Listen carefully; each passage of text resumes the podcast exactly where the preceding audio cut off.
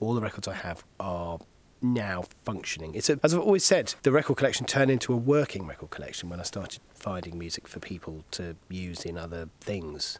So it's a working record collection. It's constantly in flux. It's constantly being used. It's being employed. So it pays for itself, which is pretty good actually. I do like investigating music written for children, music made by children, and I enjoy playing strange records to children simply because they don't have any preconceived ideas of what's good, what's bad, what their taste is. So they can be, you know, they'll deal with just about any music you throw at them. They accept it. And I find that very interesting. I think a lot of my collecting comes from the music I heard when I was a kid watching the TV. And at that particular time, a lot of TV in the UK was, especially the children's television, was slightly folky, a little bit scary, and a little bit experimental. And that sort of subliminally fed into or created my taste, I suppose. And, and, there's a strong nostalgic element running through a lot of the things I do, and I think that comes from back then. Very rarely do I get moved by a song that I hear from the radio that's a chart record, or I just find them comedy.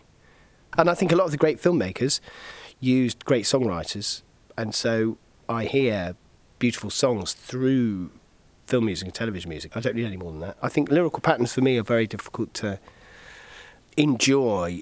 I just don't hear songwriting. I think if I do, I'll, my ears pick up, but most of the time I'm not really that bothered by it.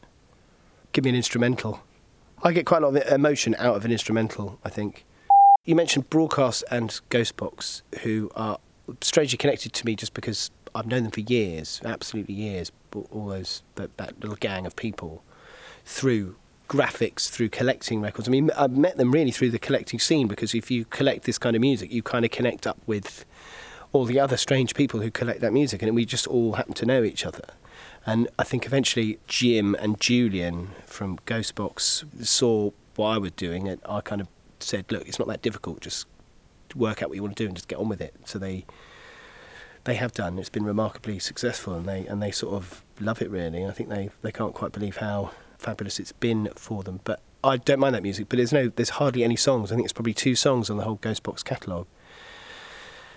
And I think if you listen to broadcast, very few songs, and the lyric patterns are very minimal, aren't they? And their and their inspiration, but the Ghostbox and, and the broadcast inspiration is quite clearly noted. You know, it's library music, it's film music, it's esoteric electronics, it's all that music we've all collected and just now making our own interpretations of it, really.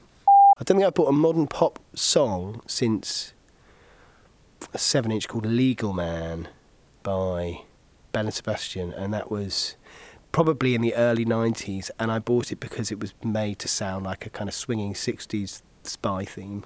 Delia Derbyshire is an interesting case where you have this woman who was working for the BBC and moonlighting for other people anyway, and her music turns up under pseudonyms on different libraries.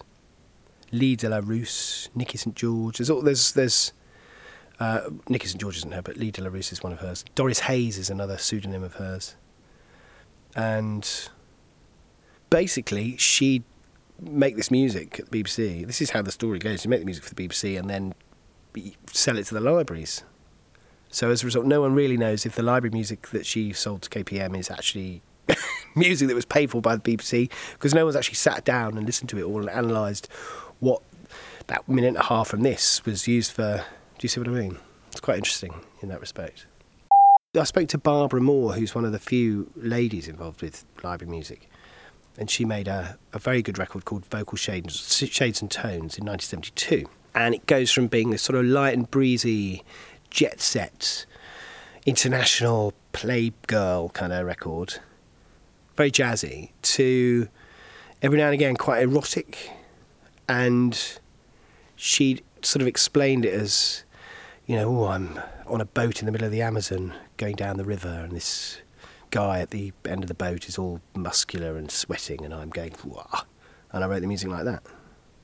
So they have their own visuals. One of the many quirks of library music is the fact that it's so very well recorded and so very well pressed. They sound amazing, especially if you if you play a library record in a nightclub. It sounds unbelievable. It sounds incredibly fresh and alive, and that's probably because the musicians were very good, the recording techniques were very good, the engineers were very good. Just everything was good. It had to be because it had to be for good enough for broadcasters like the BBC, and the BBC don't like anything apart from the best, really. So, in the library's advantage to make things sound fabulous. Some of the library composers had been through quite a lot. First of all, they'd been either classically trained or had very good ground in their, either their instrument or in arrangement or composition, or you know, they had very good musical education. Then along comes the war, and they're all young guys, and they go out to you know either do national service or the war, and they learn in the war more about music, or you know start playing in the bands for regiments and that sort of thing. Go through the war, which is pretty hardcore. Come out the other end, you know, strange economic climate, no business, no nothing. So by the late 50s, when everything is in recovery, you know, either been in big bands and that sort of thing, and then the library companies are starting to grow, TV starting to grow. A lot of them get absorbed into this business of making music for library companies. And I think a lot of the music I like from that period, especially the slightly kooky, mad stuff, has this great sense of humour, and I think that comes out of this post-war attitude that some of them would have. Whereas we're lucky to be alive, let's kind of have some fun, and I think that's what makes it so interesting. If you speak to anyone who was involved with library music in the 1960s and 1970s, they will talk to you about the infamous Musicians' Union problems. I think basically what it stems down, or what it comes down to, is that Musicians Union started saying, right, if you're going to make library music, then to protect our musicians, every time a piece of library music that you've made gets used, the library musicians involved and any performers on that track need to be paid. So, for example, if you're looking at a KPM track, which has got, say, a big band of six trombonists, four trumpeters, a pianist, a harp player, you know, it's got an orchestra of 30 people. And all those 30 people have to be paid musician union rates every time that one track is played. It destroys the whole point of using it.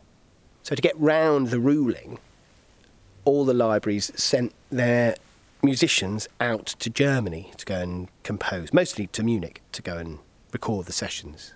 And for some reason, that gets round this. That got round this musicians' union ruling. Well, I'm saying it. Uh, you can't charge us those rates because it was all played out the country. So for a decade or so, all the sessions were recorded out of the UK. If the Musicians Union got a sniff of a new music session being made, one of the characters was known as Dr. Death, famously, would turn up to the session, you know, with his clipboard and investigate the session, just checking it wasn't to be used as a library record. And I think eventually the Musicians Union thought, well, we're just losing face and possibly some business for our. We're alienating ourselves almost, really. So the ruling eventually was rubbed out. But it did mean that a lot of the recordings were made abroad. The great thing about a lot of this library music is it was made instantly and it was recorded incredibly fast. It was written and it would you'd have a whole album being played and recorded in less than a day. In some cases two albums played and recorded in a day. So those musicians had to be very competent, very good at working together. So just keep same people, you know, all the time. Same band, did it well last week, do it again next week. Keep the same together. Famously, there's one track on an album. It's an album of kind of traditional dance music, almost like tea dance music. And right at the end of the session, they'd finished the session and they still had five minutes. And James De Wolfe said, Oh, we finished. Got five minutes left. Anyone got any other ideas? Apparently, the one guy at the back went, Yeah, I've got a little track I wrote last night. And then we'll play it then. So he, he played this little ditty and they went, Yeah, okay. So they, they did a take on the ditty with three people playing this along to this little track. And it's called Left Bank 2. And it turned into one of the most successful library records of all time. But it was just a result of clock watching. It's a proper business. There's no room in library music for artistic tantrums. I'm not feeling right, I'm not going to do this. You know, there's none of that. Unlike U2 have six months to put together six tracks or whatever. You know, uh, half an hour to do three. Yeah, it's proper business, music business. I quite like the fact that these library musicians were taking these new instruments and not really knowing how they were working and having a go with them and creating some quite, in some cases, insane records that don't make any sense but sound very good now. And, and at the same time, in the sort of more, well, I wouldn't even say pop world, there was occasional sort of pop crossovers, wasn't there? Jean Jacques Perrey and people like that would make Moog based records, comedy pop. They're almost like comedy pop records, aren't they? You get that in library music, but then you also get these other serious, odd things, which you do. There is a mirror between, you know, the underground commercial world and library music when these new instruments came in. Obviously, they were in, used in massive pop records as well, but you don't normally hear about those very often.